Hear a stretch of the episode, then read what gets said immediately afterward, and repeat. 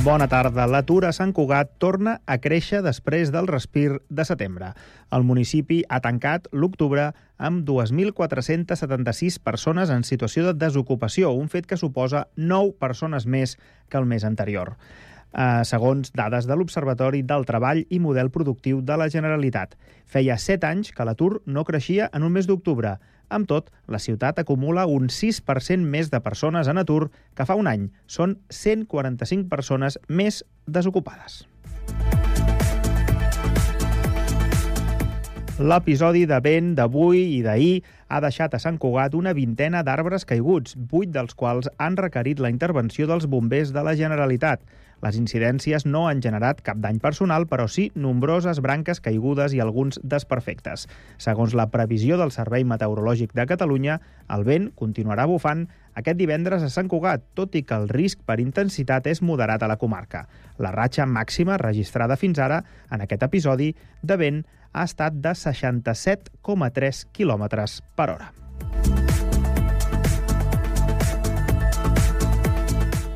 L'escola Tau, impulsada per un grup de famílies i per l'AFA, ha decidit fer complir la norma de la prohibició de l'ús de telèfons mòbils per part dels alumnes durant tota la jornada escolar de manera estricta i des del mes de setembre requisa els telèfons als estudiants de tercer i quart d'ESO durant tota la jornada que són ells mateixos que depositen en uns armariets en forma de maleta que, custio que custodien els mestres.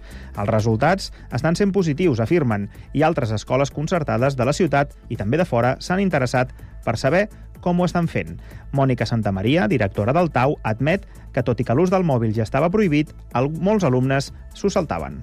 La normativa que deia que en cas que sonés o s'utilitzés el mòbil en horari lectiu, doncs se'ls agafaria el mòbil, però tot i així sabíem que hi havia alumnes que d'amagat en feien ús. D'acord? Vull dir, érem coneixedors i ho veiem, ens havíem trobat amb, amb coses i ho veiem. I llavors hem dit, doncs anem a fer, anem a buscar un sistema que ens assegurem que tothom deixa el mòbil i que nosaltres tenim els mòbils custodiats. La segona fase de la restauració paisatgística i ecològica de l'estany de la Guinardera ja és una realitat. Les tasques de millora, que van a càrrec de l'àrea metropolitana de Barcelona, tenen un cost de 429.000 euros i afecten una àrea de prop de 30.000 metres quadrats. Cugat Mèdia, la informació de referència a Sant Cugat.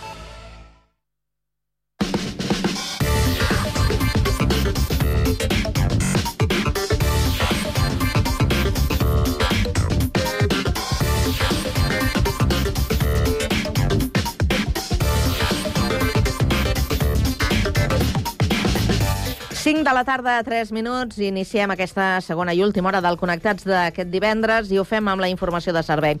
Anem a saber com està la situació a les carreteres d'entrada i sortida a la ciutat comtal. Jessica Rius, bona tarda. Bona tarda, Carme. Doncs avui tenim la circulació amb retencions a la C31 a Badalona en sentit sud cap a Barcelona per un, per un carril tallat també està la B10 congestionada entre Barcelona i Hospitalet de Llobregat cap al Nus de la Trinitat a causa de dos carrils tallats i la C16 també està congestionada a l'altura de Rubí en sentit nord cap a Terrassa a causa d'un accident que talla un carril. De moment això és tot segons informa el Servei Català de Trànsit. Doncs completem aquesta informació amb la del transport públic. Anem al Transmet. Albert Garram, bona tarda. Doncs a banda d'alguna petita incidència a tram aquest matí, a hores d'ara ja solucionada, parlem en principi de normalitat a la xarxa de transport públic de l'àrea metropolitana. El transport públic funciona sense cap alteració destacable, on a banda de la línia R3 de Rodalies, tallada, recordem, entre les estacions de Parets i el Figaró, es mantenen les freqüències i horaris habitual tant a la resta de serveis ferroviaris com de bus. Així que, de moment, això és tot des del Transmet. Bon cap de setmana.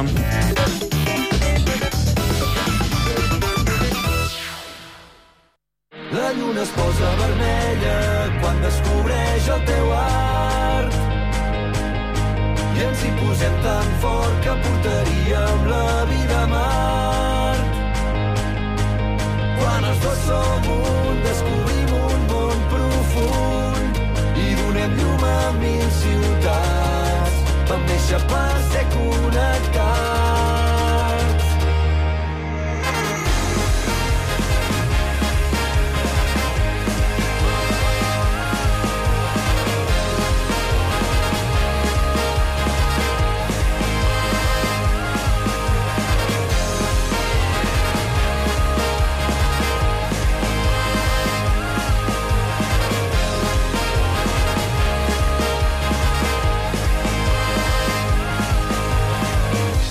Connectats amb Carme Reverte.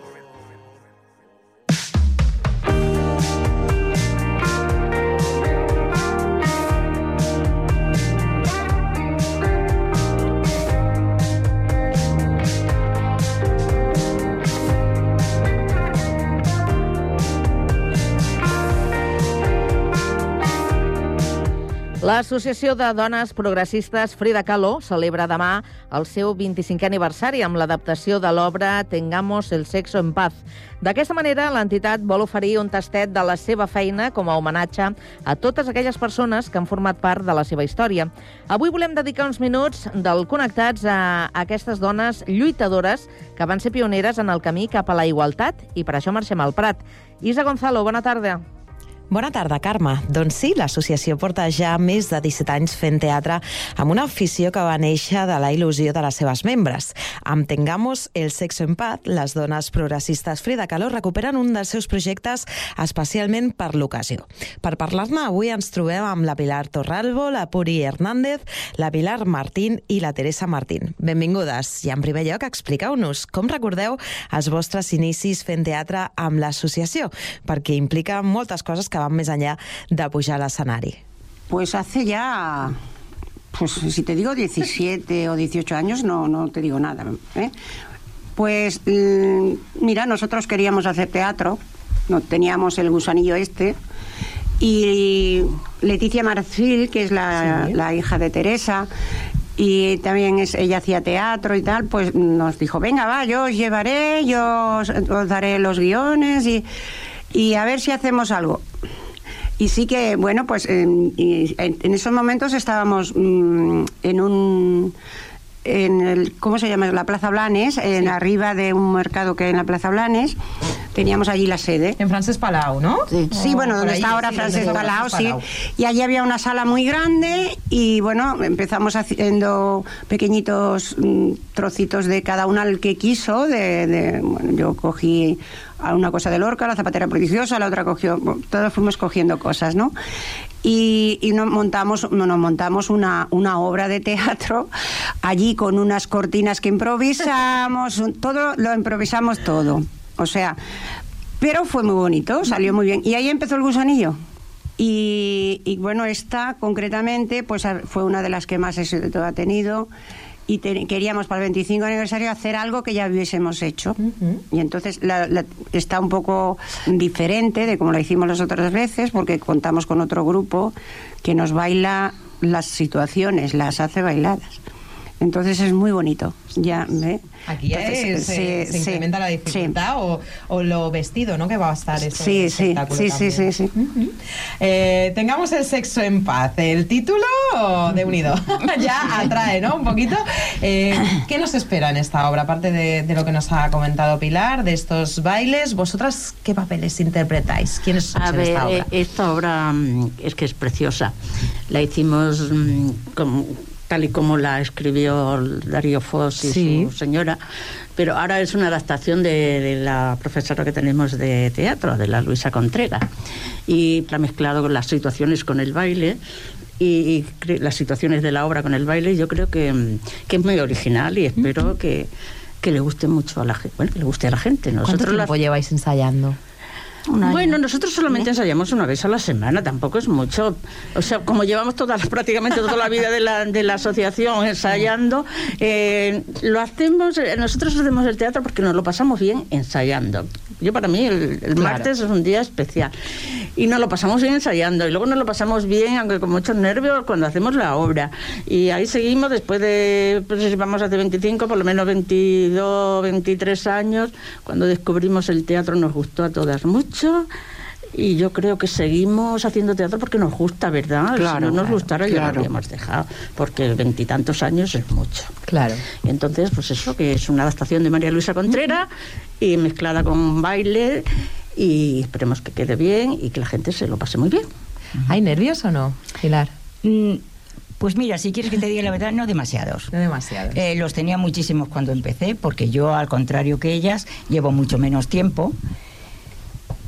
¿Qué es lo que hecho- te llevó a ti a, animarte a decir, mira, está Pues mira, grupo, yo porque a- las había visto muchas veces, porque yo siempre he pertenecido, desde que se formó la asociación, he pertenecido a ella, aunque he estado muchos años que no, no podía, por el trabajo que yo tenía, no podía hacer tantísimas cosas como han hecho todas las, el resto de compañeras. sí.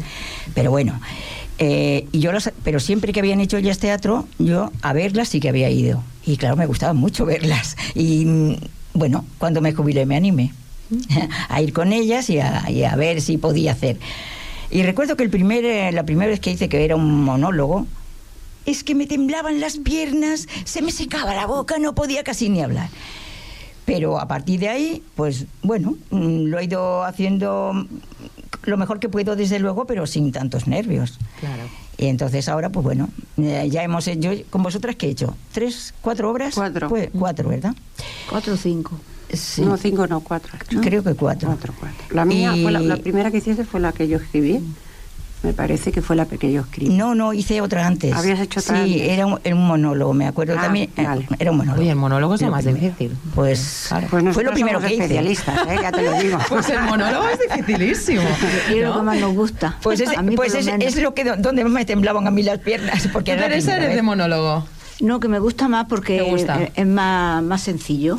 Yo lo veo más sencillo. Aunque estés tú allí Sí, al sí, frente de sí. todo el mundo. Sí. Claro, los Pero diálogos bueno. sí que tienes que interactuar, Claro, esperar que te den la réplica, mm, reaccionar, ¿no? Sí, sí. ¿Tú cuánto tiempo llevas y haciendo encima- teatro también? Uy, yo, yo que soy de la asociación de las primeras. Ella fue de las fundadoras, ella es Sí. una de las fundadoras, sí, sí. Y el teatro, pues, desde, que lo, desde que empezamos, to- to- estamos las mismas. Claro. Luego se han agregado dos. Sí. La, Pili, la. Neme, Tres. la Neme, la Pili y la Lupe. La Lupe, sí, tres. Y bueno, y Las lo que pasa que en esta la obra, yo, pa- para mí, no sé, las demás, pasa un poquito de apuro, de vergüenza. Venga, vamos a hablar de este tema, porque eh, se habla de sexo en esta obra Exacto. y es un tema que, bueno, No, y espérate. no sé si en vuestra generación se ha hablado mucho, No, no. si lo habéis hablado mucho con vuestras madres, No, con no, vuestros hijos, hijas. No. Pues ese es el, objetivo de la Claro. obra, precisamente.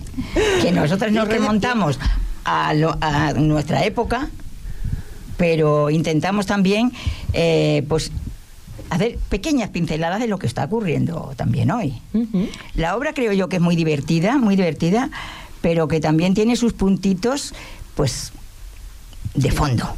De Tiene mucho, sí, ¿no? de crítica. Es una denuncia precisamente de lo que nos pasó a nosotras, que nadie nos hablaba de sexo, con las madres, ni con el padre, ni con nadie, nadie, ni en la escuela, ni en ningún sitio. O sea, el sexo lo fuimos descubriendo Cada uno a su manera. como Dios nos dio a entender, pero no, no. Sí, o sea, sí. Entonces, esta obra viene a denunciar eso, ¿no? Que, que es necesario hablar de sexo, normalizar el sexo dentro de las familias, de la Claro. escuela, que no se vea tan tabú como lo veíamos nosotros y con tanta vergüenza, ¿no? Como lo veíamos nosotras. Claro, en vuestra En época se hablaba época. desde el castigo, desde el pecado, ¿no? Exacto. Desde Claro. la vergüenza de una familia, Sí. eh, es que no se entere nadie, eh, no te quedes embarazada, ¿no? De, de todo esta, Pues no todo sé, este discurso, ¿no? También Bueno, pues muy es- impregnado por la parte eclesiástica, ¿no? Todo Pues eso esa es la sale. Que hay. que la Eso obra. es, un poco- eso es la obra. ¿no? Claro. Esto que estamos hablando aquí que es la obra. Se hace de forma divertida, porque tampoco es plan de, de ir No, ahí. es divertida, sí, tiene unos puntos muy buenos, muy divertidos. Aún así, Y da un poco después- de vergüenza, y ¿no, después- y Teresa? de- sí, espérate, espérate, claro que da vergüenza. Claro. Después de hacer lo nuestro, la obra, luego el final es lo que más vergüenza me da. ¿Qué nos puedes avanzar? ¿Hay que avanzar algo? No, no. Pilar está ahí. es que- nada, bueno. 70 y muchos Eso, años no, y no, no, todavía no, tenemos tampoco pasa nada. No, porque no de podemos sexo, hacer ¿has spoiler de la obra. Claro. Es No, que, si no, entonces es la lo que- toda ella. Voy a decirles en palabras bien, bien sencillas. Es que lo que se mama es lo que es lo que al final va desarrollando en la vida. ¿eh? Ahora nos llamamos mujeres progresistas, somos más modernas Sí. y todo eso, pero lo que tenemos detrás, todo esto que contamos en la obra, aún nos sigue, Claro. parece que no, pero en nuestro interior nos sigue, Sí, lo nos sigue sigue- lo seguimos teniendo en cuenta. Claro. También es interesante conocer, ¿no? Eh, cómo habéis vivido eh, este tema y, Sí, todo lo sí, que ha marcado, sí. Es ¿no? que es- es, mm, de alguna manera vamos a, a contar, mm, en tengamos el sexo en paz, nuestra vida, por así decirlo, sexual. Es, es, es lo que vamos a contar. Y entonces que, que... No la nuestra, de todo. Bueno, de la, de de las mujeres, de la claro. época de nuestra generación. Entonces, ¿qué épocas. pretendemos? A ver, la palabra pretensión es muy grande y muy amplia, pero mm, en fin, que, que, que eso no vuelva a pasar o que pase cada vez menos y que, en palabra, es que se tiene que normalizar el hablar de sexo, que era lo que estaba completamente prohibido, pecaminoso y vamos, ni con la Claro. mamá ni... Si era pecaminoso entonces hasta hablar de la regla, pues imagínate. Pues eh, lo mejor será acompañaros el sábado a partir de las 6 de la tarde al Teatro Modern. La entrada es gratuita, no sé si hay La que hacer entrada- algún proceso. No, la entrada es gratuita. Se, eh, todavía quedan algunas por internet que puede comprar la gente por internet. Perfecto. Metiéndose en el cine, bueno, es teatro moderno Sí. y ya les saldrá si hay o no hay por internet. Nosotros ya casi no, tenemos, nos no quedan poquísimas. mucha. 8 o 10 me parece que me quedan. Está a tope. Qué maravilla. A tope. Eh, aprovechando que estáis por aquí, que estáis de celebración, que estáis de aniversario, que hemos visto la recepción institucional que os hicieron eh, también en el ayuntamiento, contadme un poco si estáis en esta semana de volver la vista atrás y decir, ostras, cuando montamos la entidad, eh, todo el recorrido que hemos hecho, mm, ¿cómo os sentís estos días? Bueno, pues mm, yo te digo porque soy la que estoy encargándome de casi todo papeleo y todas las cosas para el moderno, para que para allí. Yo un poco agobiada. Por sí, porque, Porque es mucho problemas, hay mucho ¿no? problema. Bueno, pues mm, un poco agobiada, pero no nerviosa, ¿eh? Porque yo no soy nerviosa, yo estoy agobiada, agobiada de trabajo, agobiada de que ahora una cosa no sale bien, ahora nos piden otro papel y ahora una cosa no sale bien y nos piden otro papel. Y bueno, ya está solucionado. Ahora ya sí que puedo decir que está solucionado. Ayer ya se solucionó todo, ya, ya está, ya está, ya. Pero por lo demás yo no estoy nerviosa. Es que yo no suelo ponerme nerviosa cuando salgo al escenario. Qué bonito, pues el moderno impone, ¿eh? No, pero yo el, el ¿Y el moderno... ayuntamiento, por ejemplo, cuando os vi también? El moderno- también impone Sí, allí. sí, sí, Ah, sí. no, Que te reciban, que... Ah, bueno, un poco familia. sí, pero la verdad es que como son tan majos todos, nos acogieron, de verdad, ¿eh? no, no, no estoy haciendo la pelota a nadie, pero nos sentimos muy arropaditas, eh, estábamos, estábamos muy bien, muy a gusto, la verdad que sí. A ver, yo quiero subrayar que mm, es que 25 años son muchos, y el mismo grupo. Claro. Y nunca hemos tenido, no sé por qué. Es que yo eso creo es que hemos, admirable. hemos congeniado todas. Nunca hemos tenido ningún problema mm, Gordo. A ver, gordo no, Sí, ninguno. porque, porque nos dura poco, si nos enfadamos nos dura poco. Ninguno, y es muy difícil que un- yo cuando lo miro para hacia atrás, yo lo pienso, digo, ¿qué ha pasado en este grupo para que las mismas llevemos 20 an- 25 años juntas? Eso es que yo de verdad que lo pienso y digo, hay que ver, ¿eh? 25 años son muchos. es toda una vida. Empezamos muy, joven- muy jóvenes en aquella Fíjate si época. son mucho, que yo había hecho los 25 años y ahora voy a hacer los 50 de casada.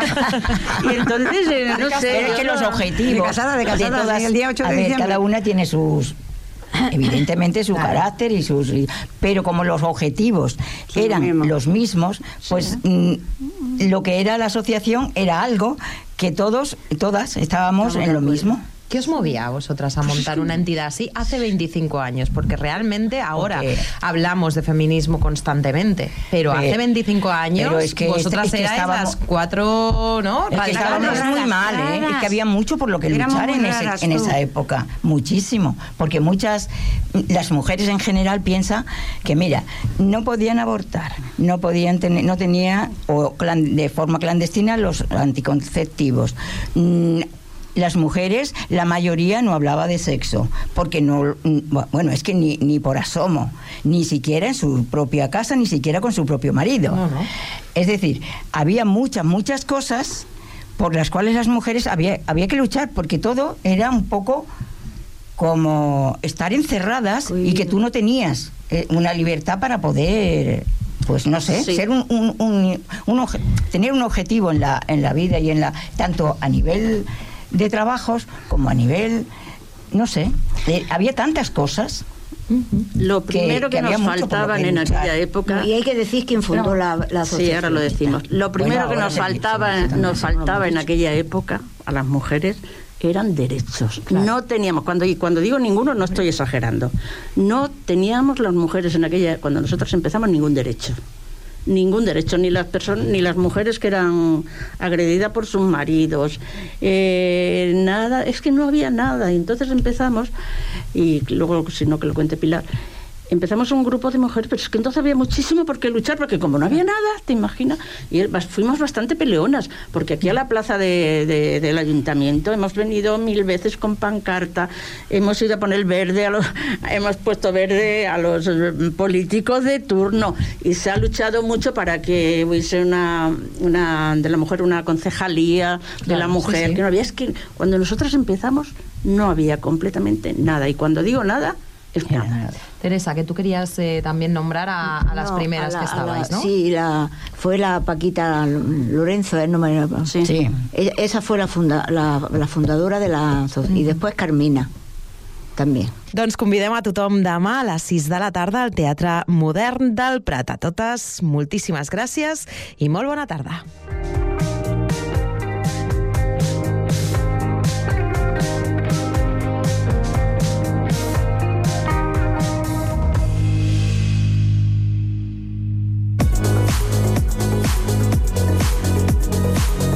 Cada tarda, de 4 a 6, Connectats. Una experiència radiofònica a Sabadell, Terrassa, Sant Cugat, Castellà, El Prat i Badalona.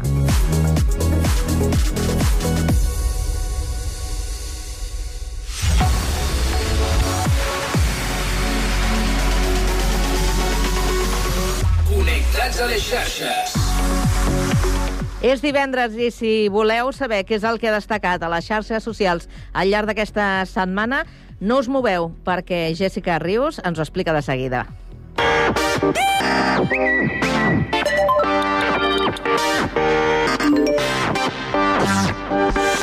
Bona tarda, Carme. Avui al Connectats a les xarxes ve ben carregadet. Esports, política, polèmiques, moda, protocols, Halloween, disfresses, música i estrenes. Comencem per lo bo.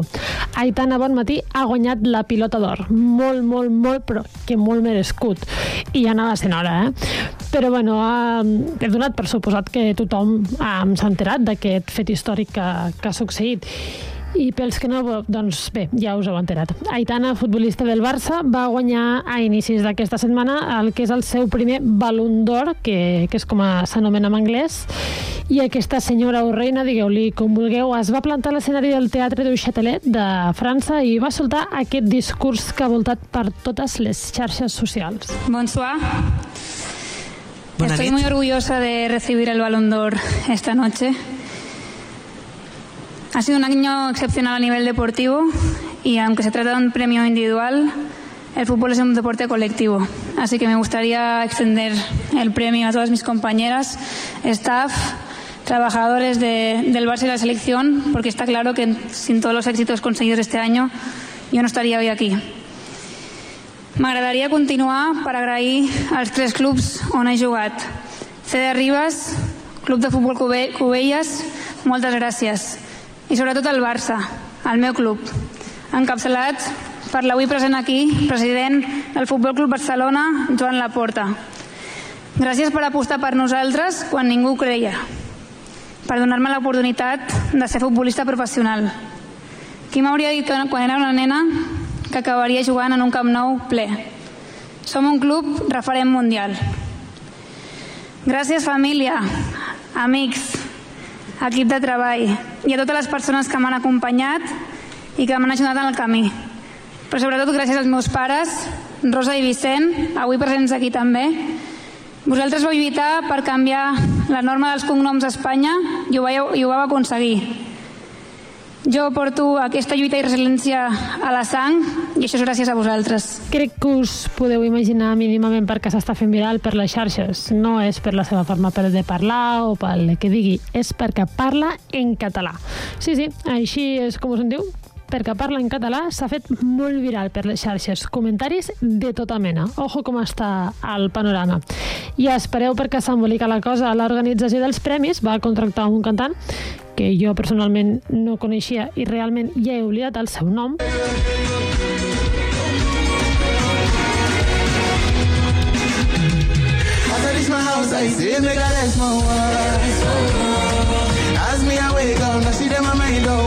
I. Aquest artista va baixar de l'escenari enmig de la seva actuació per saludar els esportistes que hi havia a platea. Doncs el senyor de Tor va donar la mà als futbolistes masculins, perquè les noies no mereixen cap tipus de respecte, oi? Per què s'ha de saludar a unes futbolistes, que en alguns casos els hi donen 30 patades als jugadors que hi havia allà asseguts? Això és una cosa que em posa molt, no, molt nerviosa però encara em toca més els nassos el tema quan per xarxes volta que el cantant de Tor es pensava que les noies que estaven allà assegudes no eren futbolistes, sinó que eren els les acompanyants dels futbolistes masculins que estaven allí. Perdona. Igual s'havia d'informar una mica a quina, a quina gala anava, oi, aquest, aquest cantant. En fi, en l'àmbit masculí també crec que és necessari remarcar que Lionel Andrés Messi s'ha endut la seva vuitena pilota d'or. Vuitena. Vuita? Ojo, encara que per xarxes socials n'hi ha que tampoc estan massa d'acord.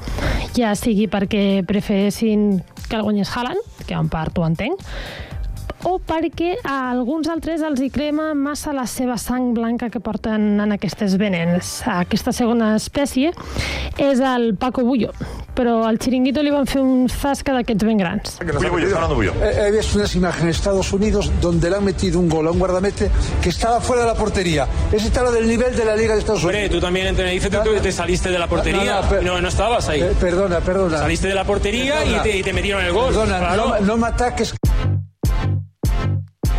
Deixem el futbol enrere i centrem-nos en un fet que, que ha succeït aquesta setmana. Ho, ho comentaré així una mica per sobre i a veure si algú m'ajuda a esbrinar perquè la princesa Leonor portava un conjunt de jaqueta i pantaló blanc al dia del seu aniversari, aquell dia que Madrid va tornar al segle passat.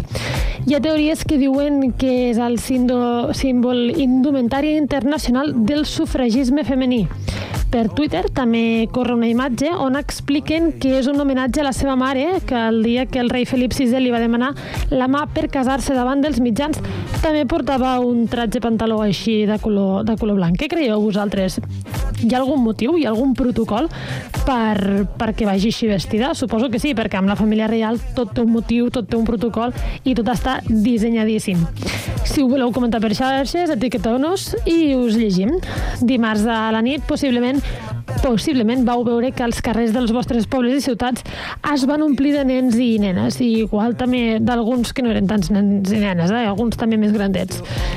Doncs és que dimarts es va celebrar Halloween. I jo faré la pregunta del milió i que probablement mai ningú us ha fet.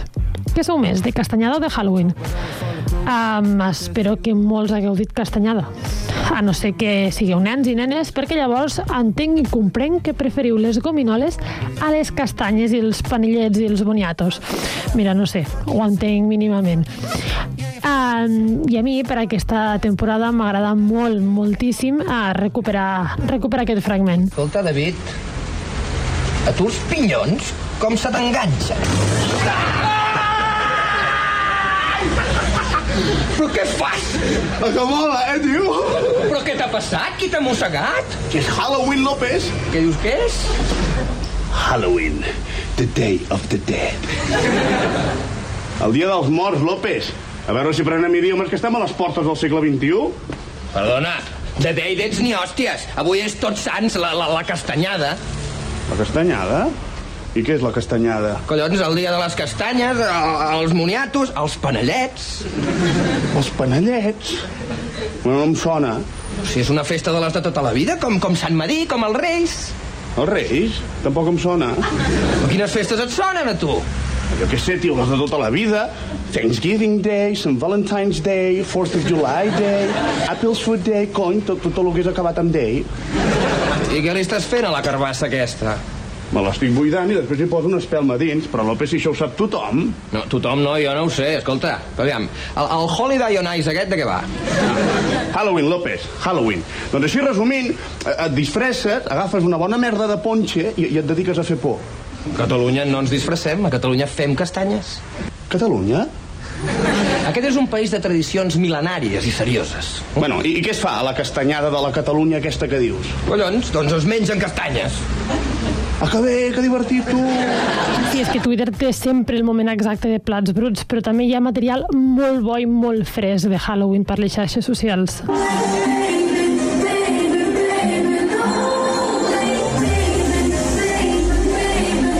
Podem veure el vídeo, us el descric una mica. Per la música podeu notar que és que situen una festa. Estem en una discoteca on tothom va disfressat, òbviament. És Halloween, s'ha d'anar disfressat i amb disfressos mm, temerosos. Doncs una noia porta una màscara, però la porta posada del revés. Està ficada al clatell. I hi ha un noi que es creu amb tot el dret del món en donar-li un petó a la boca, però va tan begut, i sort que va tan begut, que no se n'adona que aquella boca no és una boca real, sinó que és el clatell de la noia. Doncs quan ella se n'adona, la cara de fàstic que fa és digna d'emmarcar, en sèrio. Si el voleu veure, està TikTok i l'usuari és Carlos Santos 250795. I per acabar el repàs a les xarxes socials, fixem-nos en les que ens interessen de veritat. Aquesta setmana a la publicació amb més interaccions ha estat l'entrevista a Núria Castells, la fundadora de Malapell, una botiga sabadellenca de productes gourmet catalans. Si no l'heu visitada, no sé a què espereu i de pas també podeu passar per, los, per les nostres xarxes a donar-li m'agrada i escoltar-vos l'entrevista. Aquesta setmana també hem parlat amb Xavier Esteban, que ha presentat al festival inèdit Resonàncies d'una música callada. I d'estrena a estrena aquesta setmana també hem parlat de Garage Club, un escenari 900 concerts. També hem parlat amb Mireia Blanquer, que ens explica el risc de mort dels nostres boscos a causa de la sequera. Ho podeu seguir i recuperar-ho tot a les xarxes del Connectats. Estem a Twitter, Facebook i Instagram.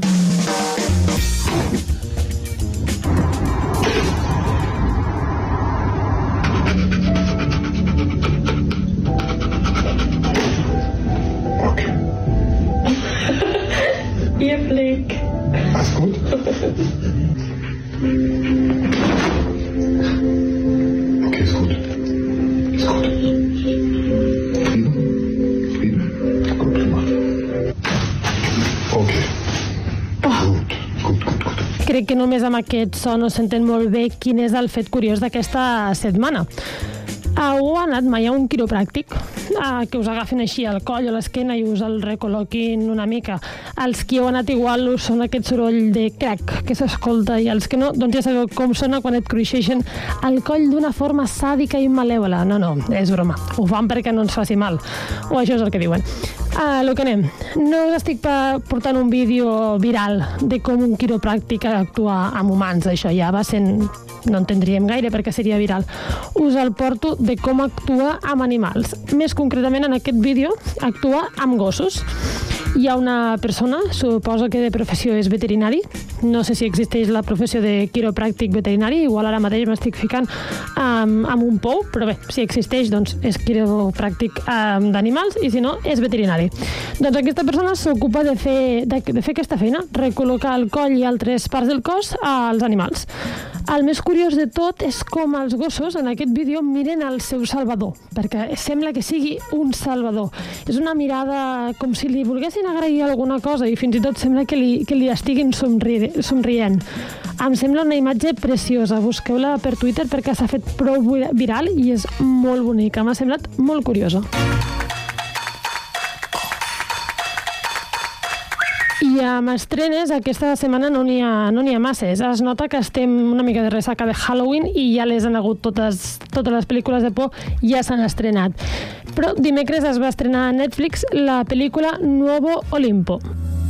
Povero amore di tante notti Io conoscevo un ragazzo che si chiama Enea. Quello è diventato regista famoso.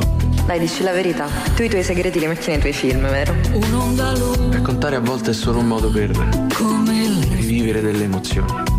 che s'agitava se Una passione come quella del film ti coinvolge, no? Quello che non dimentichi mai. capivo Il passato più è lontano e più sembra bello. io ti avevo non sapevo Non ho mai smesso di cercarti tra la folla. Ho voluto bene a te. Ho voluto bene a tutti quanti. Tutta la vita. Aspettato che mi guardassi così. Come guardavi lui stasera.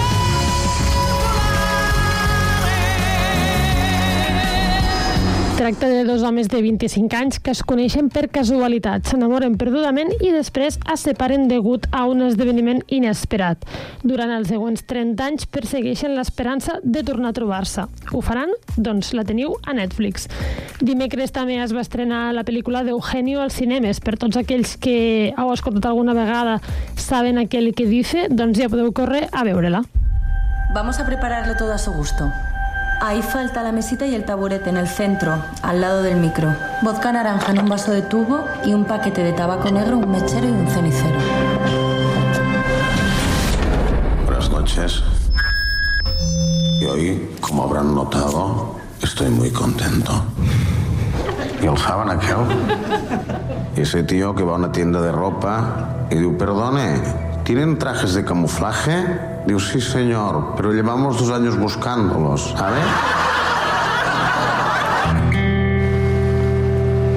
La morena más guapa de Sierra Morena. Eso de formar un dúo lo decía en serio. Parece tímido, ¿eh? Pero después... A los dos. Una de esas mujeres que sirve para casi todo, menos para elegir marido. Habla, cuenta tus anécdotas. A la gente le hace gracia. Digo, oiga, ¿usted domina el inglés? Digo, hombre, si es bajito y se deja. Yo no soy un buen padre. Que tan siquiera he sido un buen marido. Yo no soy humorista. Pero hace reír a la gente.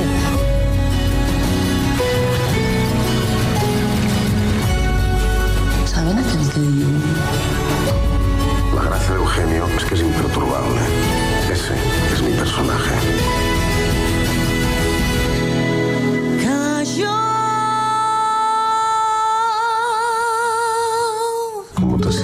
Estar casada con un payaso? Idiota. I per acabar aquest divendres us porto un viral de la música. Les xarxes socials s'han omplert de fotos i vídeos del concert multitudinari al Palau Sant Jordi de la reina del pop, de qui si no, de Madonna. I amb aquest Like a Prayer m'acomiado. Que passeu molt bon cap de setmana.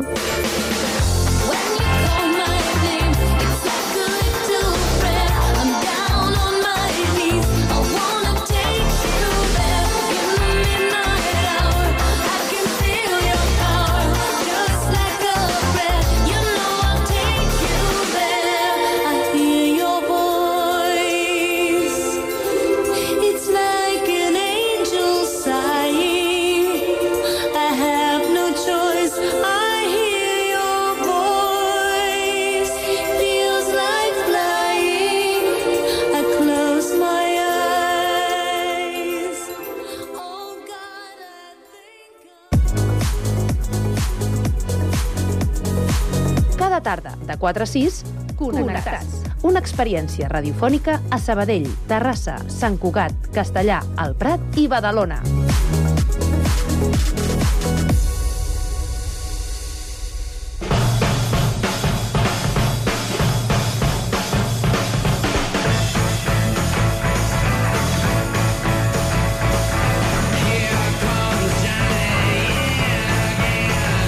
I a aquestes alçades de programa i com indica la sintonia, acabarem eh, la setmana amb la secció de cinema, com sempre, amb el periodista Jordi Guillem, acompanyat, com és habitual, pel Sergi Estapet.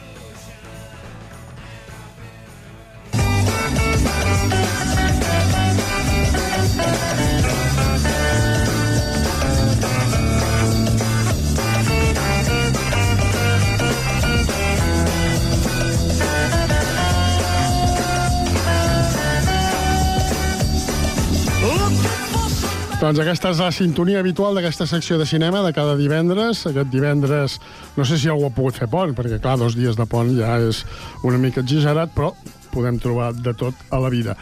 Jordi Guillem, periodista diari de Terrassa i el nostre cinèfil de capçalera, què tal, com estàs? Bon dia, bon divendres. No has fet ponts, no? El pont de... No, no, no he fet vacances Fet directament. vacances directament.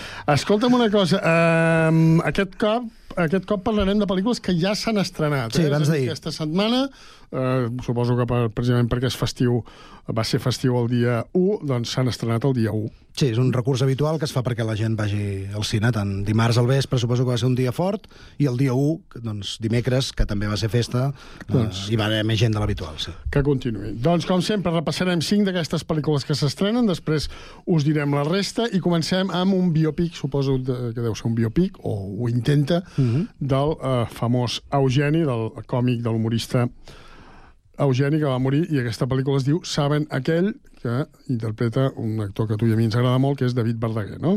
Sí, David Verdaguer es posa en la pell de- d'aquest humorista fet a si mateix, diguéssim, perquè de fet l'Eugenio era, era un senyor que era joier. Era joier, sí, sí. Sí, sí, si, no heu, si voleu saber més d'ell, un, a banda de poder veure la pel·lícula, que ha tingut molt bones crítiques, hi ha un, diversos eh, documentals sobre ell, i eh, se centra concretament, segons ha explicat el seu director, David Trueba, en la- en l'època en què ell eh, coincideix amb, amb la seva dona, és a dir, a partir de que coneix la Conxita, que és la seva dona, eh, ells... Una mica el seu far, eh? Sí, és la, era la A partir- mànager... a partir de- la de la mort de la sí, Conxita ja ella tot va tenir molts problemes, etc. però aquí- d'això no en parla la pel·li, només parla de l'època aquesta.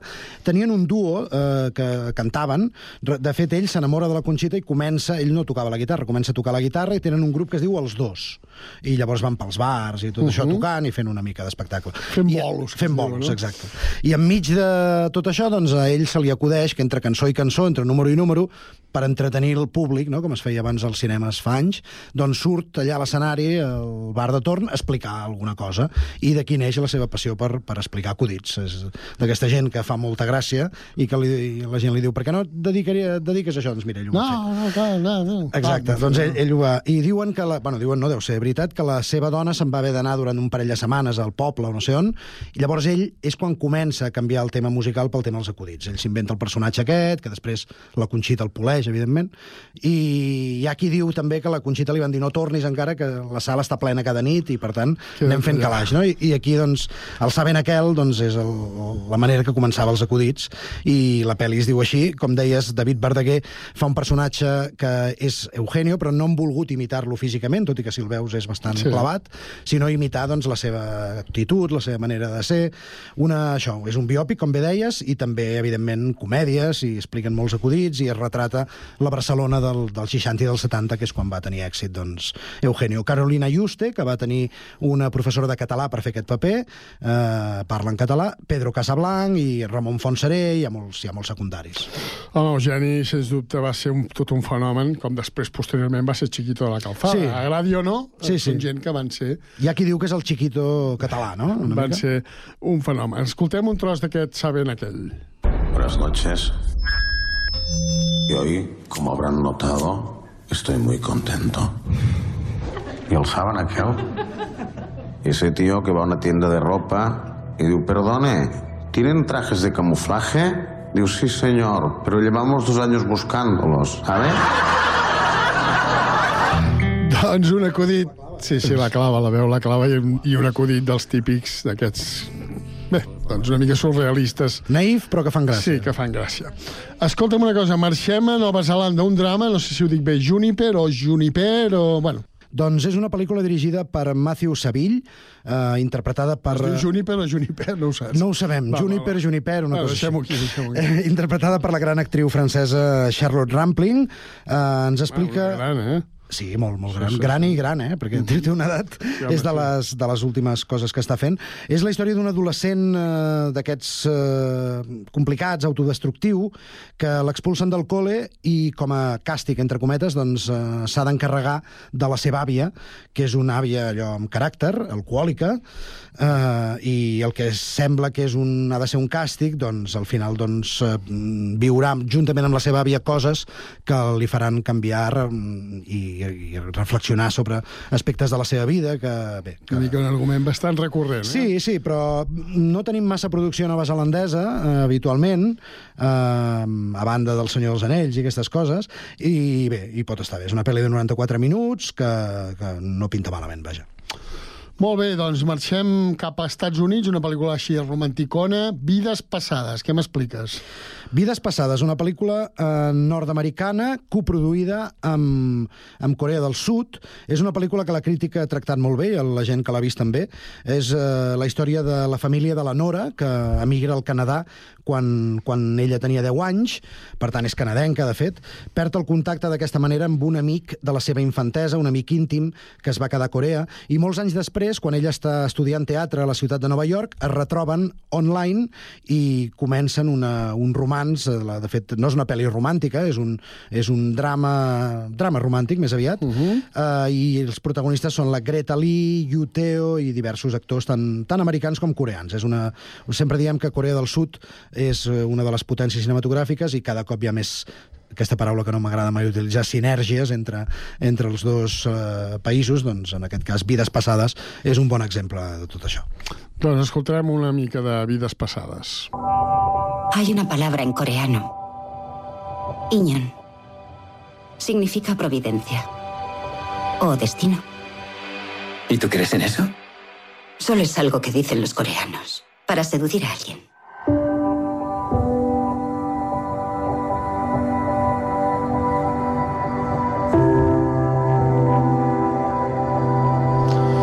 Doncs Vides Passades, aquesta pel·lícula dels Estats Units que ens explicava el Jordi, doncs, que era mig comèdia, mig drama, i ens anem a Mèxic, no gaire lluny dels Estats Units, El Poderoso Victoria, una comèdia. Què podem dir d'aquest Poderoso Victoria? Doncs que és una comèdia que agradarà molt a la gent que li agradin els trens, Ah. eh, que està ambientada a mitjans de la dècada dels 30 del segle passat, 1936, en un poble que es diu La Esperanza, en ple desert mexicà. Arriba la notícia de que tanca la mina, que és el principal motor econòmic del poble, d'on viu la gent, i eh, tot això doncs, es cancela també la ruta de ferrocarril, que és l'única via de comunicació que té aquest poble amb la resta de la civilització. A partir d'aquí, un jove mecànic, que veu frustrat el seu somni d'esdevenir maquinista, és el que més li agradava, doncs eh, ha de decidir si es queda al poble o se'n va. Eh, el que fa és quedar-se i decideix construir el seu propi tren de vapor, que és una cosa absolutament descabellada i quimèrica, i doncs eh, ho intenta i aviam què tal. És una pel·li mexicana, dèiem, tampoc en tenim massa habitualment, uh -huh. per, per això l'hem triat, dirigida per Raúl Ramon eh, i protagonitzada per Damián Alcázar i Gerardo Oñate, actors tots ells mexicans. Poderoso Victoria és el nom del, del ferrocarril aquest que anhelen construir. Molt bé, i tancarem aquest habitual repàs a cinc de les pel·lícules de les quals s'estrenen avui, bueno, en aquest cas es van estrenar dimecres, amb una pel·lícula espanyola que es diu, un drama que es diu Un largo viaje, una pel·lícula em sembla una mica enrebaçada, no? Sí, avui va de drames, eh, la cosa. És una pel·lícula dirigida per un curtmetratgista madrileny de 40 anys que es diu Víctor Nores i que, eh, sí, seria una comèdia dramàtica, té punts de drama i de comèdia també, eh, com la vida mateixa, i és la història de la Violeta i el Samuel, mare i fill, que estan distanciats, ell és molt temperamental, el fill és tot el contrari, econòmicament tenen problemes, per tant han de viure en una autocaravana, en un eh, centre comercial, en un complex al sud de Madrid, i a partir d'aquí doncs, eh, ens explica com és el seu dia a dia, amb molt pocs diners i amb molta imaginació han de sortir endavant. És una pel·lícula que té la, el, la sort o no de comptar amb un repartiment d'actors poc coneguts, que això a vegades va bé perquè així no interpretes el personatge amb l'actor, no, no el relaciones. Elisabet Jalabert, Cristian Checa, Alba Ferrara són alguns dels noms d'aquesta pel·lícula petita que es diu Un largo viaje, que com Petita, saps sempre ens agrada sí, portar pel·lícules petites, Pel·lícules petites. que no tenen distribució excessiva, que no es fan pòsters pels carrers, però que bé, Etcètera. també està bé. Escoltem un tros d'aquesta pel·lícula petita, Vinga. Un, un largo viaje. Violeta, ¿cómo estás? Bien. ¿Y la operación? La operación de puta madre. Tan de puta madre que no me ha quedado ni cicatriz. Es un despido procedente, Violeta. Puedo irme ya. A lo que te dé la gana. que voy a tener que hacerte un ajuste en el alquiler. Una pena, pero es lo que hay. Pues no lo hagas. Yo no quiero vivir en la calle. Ja, per aquest tros que hem sentit, una Sí. pel·lícula que fa pinta Recorda coses com Techo i. Comida, Sí. aquelles pelos unes al sol, no? aquella pel·li de León de Aranoa. Gran pel·lícula, per Sí. cert. Escolta, també es va estrenar una pel·lícula de terror, ja sabeu que m'agraden molt a mi, dels Per cert, perdona, vas veure moltes per Halloween? Vas aprofitar? Eh, no, no vaig veure ni una. Vale.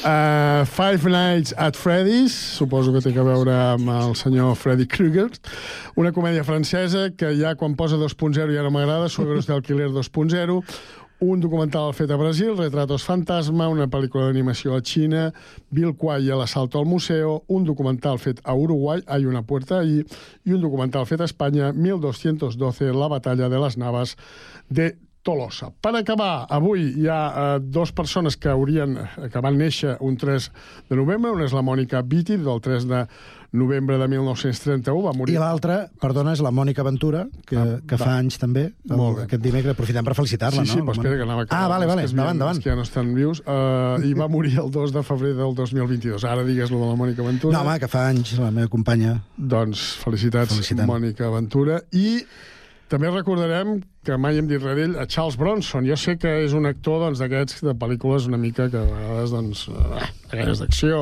i... Jo he de dir que l'he vist poc, eh? però no, no, no vull anar aquí de, de no, va, plan de néixer, que va aquests... néixer el 3 de novembre de 1921, mm. va morir el 30 d'agost de 2003. És un típic actor... Un tio dur, no? Sí, que va, fer, va començar fent pel·lícules molt western, de, inclús havia fet d'indi, uh, Chateau l'Apache, llavors ha sortit a, a moltes, moltes pel·lícules com a secundari, i ja una mica més gran, allò que ja se'l veia grandet, eh? de protagonista, de, de policia típic de Nova York, venjatiu, que li Mm. maten a la família, i bé, aquest tipus d'actor que, bé, que té el seu públic i, i que... I també té dret a que ens en recordem, no? I tant que té dret, tothom té dret, però en aquest cas, doncs, Charles Bronson, com deien Charles Bronson, doncs, ha sortit, va, sortir, va, va ser molt secundari en, doncs, en pel·lícules d'acció, de, de western, etc papers inclús fent moltes vegades fent de dolent i altres no tant, i sobretot se'l recorda per una pel·lícula que no sé si tu has vist, el de Seven Magnificent Seven, Sí. els Set Magnífics, Que és un remake dels Set Samurais? de 1960, és un western amb Steve McQueen, va dirigir John Stargess, i que va estar eh, la seva banda sonora, que l'escoltarem a, a marxar, va estar nominada als Oscars a la millor banda sonora que la va, comp- va ser, el compositor va ser Elmer Bernstein. Potser és aquesta la pel·lícula, els, magnífic, els set magnífics, Que se'l va conèixer més, no? doncs bé, és un, és un clàssic del western. Per mi no és un western que jo no el posaria entre els 10 millors, tot sí que hi ha gent que sí, però bé, és un western entretingut, és el típic, no? Doncs el típic d'un poble que van allà, llavors hi van uns allà a matar els dolents, i etc. A posar les coses allà. A posar, exacte, les coses, com dius, Jordi, a lloc. Uh, marxem amb aquesta banda sonora de Magnificent Seven, el Second Magnifics, de 1960, on surt Charles Bronson, també recordem, com deies, a la Mònica Vitti, i a tu, amb tu parlarem la setmana vinent, que tingueu un bon cap de setmana cinèfil. Que gaudiu del cinema i de la vida. Bon cap de setmana, bon cinema.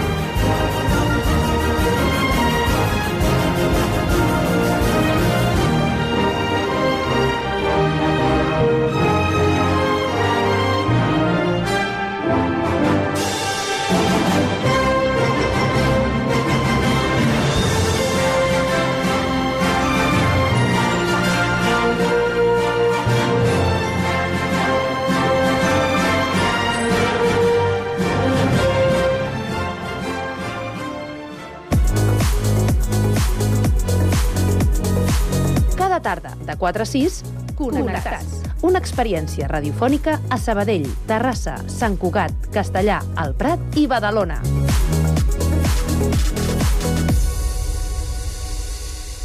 It's Friday then, it's Saturday, Sunday.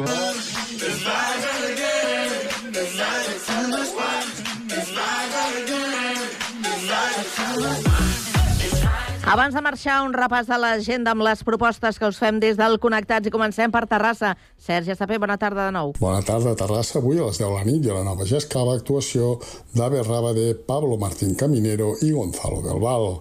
Dissabte a les 5 de la tarda hi ha el Cinema Catalunya, cinema inclusiu amb la pel·lícula Yuku i la flor de l'Himalaya. I diumenge a les 5 de la tarda hi ha la Factoria Cultural Doji, el nou espectacle de Brothers Bros. Temps ara per a les propostes de Sabadell. Pau Duran. Les edicions de la mostra de teatre breu ja no es podran comptar amb els dits d'una mà. Aquest divendres i dissabte arriba la sisena, que s'instal·la al Casal Pere IV. La cita, organitzada per la companyia Tres Homes Grossos, aplega companyies d'arreu de Catalunya que exposen les seves obres teatrals de curta durada d'un màxim de 30 minuts. Són dos dies de teatre per a tots els públics, amb vuit companyies distribuïdes en dues sessions d'aproximadament dues hores de durada cadascuna. Com en anteriors ocasions, cada dia representaran quatre obres de diferents temàtiques, totes elles seleccionades per la seva creativitat i qualitat. Com és tradicional a la mostra, el grup sabadellenc Absurdòpates clourà la convocatòria. Arriba el moment ara per eh, destacar l'agenda de Badalona. Andrea Romera, bona tarda de nou. Bona tarda de nou. Aquest dissabte a Badalona, a partir d'un quart de sis de la tarda, tindrà lloc la segona jornada de campanologia al Museu de Badalona, organitzada pels campaners de la ciutat. Aquest cop comptarà amb dues conferències destacades a càrrec d'experts en la matèria. L'entrada és gratuïta. I més tard, a les 8 del vespre, al Teatre Zorrilla, la companyia La Calòrica estrena una nova sàtira monumental sobre el Congrés de Viena, la fi de l'antic règim i la nostra societat capitalista neoliberal a la vora del col·lapse. Anem ara amb l'oferta a les propostes que ens arriben des del Prat de Llobregat. Rocío Santa Eufèmia, bona tarda. Bona tarda. L'Associació de Dones Progressistes Frida Kahlo celebra demà dissabte a les 6 el seu 25è aniversari amb l'adaptació de l'obra Tengamos el sexo en paz, una obra de Darío Fo i Franca Rame adaptada per Luisa María Contreras que parla de l'amor, d'una educació sexual reprimida i absent durant molt de temps i de fantasies i anels de set dones que posen sobre la taula aquesta signatura pendent. Aquesta representació serà al Teatre Modern i l'entrada és gratuïta. I també demà dissabte dissabte a dos quarts de nou al Teatre Cadix porta al Centre d'Art Remuntades Roma TV Sonreír de Gerard Mora, un concert de presentació del videoclip d'aquest tema. L'entrada té un preu de 6 euros i 5 euros per socis i sòcies i alumnes del Teatre Cadix. Anem amb les propostes a l'agenda de Castellà del Vallès. Guillem Plans, bona tarda. Bona tarda. L'obra de tic escènic Judici a un seductor s'estrena aquest vespre a la sala de petit format de l'Ateneu. L'obra presenta una lectura dramatitzada del text La nuit de balons d'Eric Manuel Schmiss traduïda per Jeroni Uller, el director de TIC escènic i del muntatge. Es podrà veure també els dies 4, 5, 10, 11 i 12 de novembre. Ja acabarem amb les propostes que us fem des de Sant Cugat, Jessica Ríos. Des de Sant Cugat us recomanem la 37a mitja marató d'aquest diumenge 5 de novembre. Es tracta d'un recorregut urbà molt centrat en el nucli històric de la ciutat on els corredors i corredores hauran de donar dues voltes. Hi ha tres distàncies, de 5, 10 i 21 quilòmetres. La sortida és a l'Avinguda Pla de Vinyet, a les 9 del matí pel recorregut de 5 quilòmetres i a dos quarts de 10 pels altres dos recorreguts. L'arribada de tots serà a la plaça de la Vila. Per a més informació, tarifes i inscripcions, aneu al web Mitja Marató Sant Cugat. Podeu consultar la resta d'activitats de l'agenda a cugat.cat. Doncs fins aquí arriba l'edició d'aquest eh, Connectats de divendres. No m'acomiado sense tenir una menció especial per la Jessica Rius, que avui ha fet el seu últim Connectats. Gràcies per la feina, Jessica. Que vagi molt bé i molta sort. I a vosaltres, bon cap de setmana. Adéu-siau.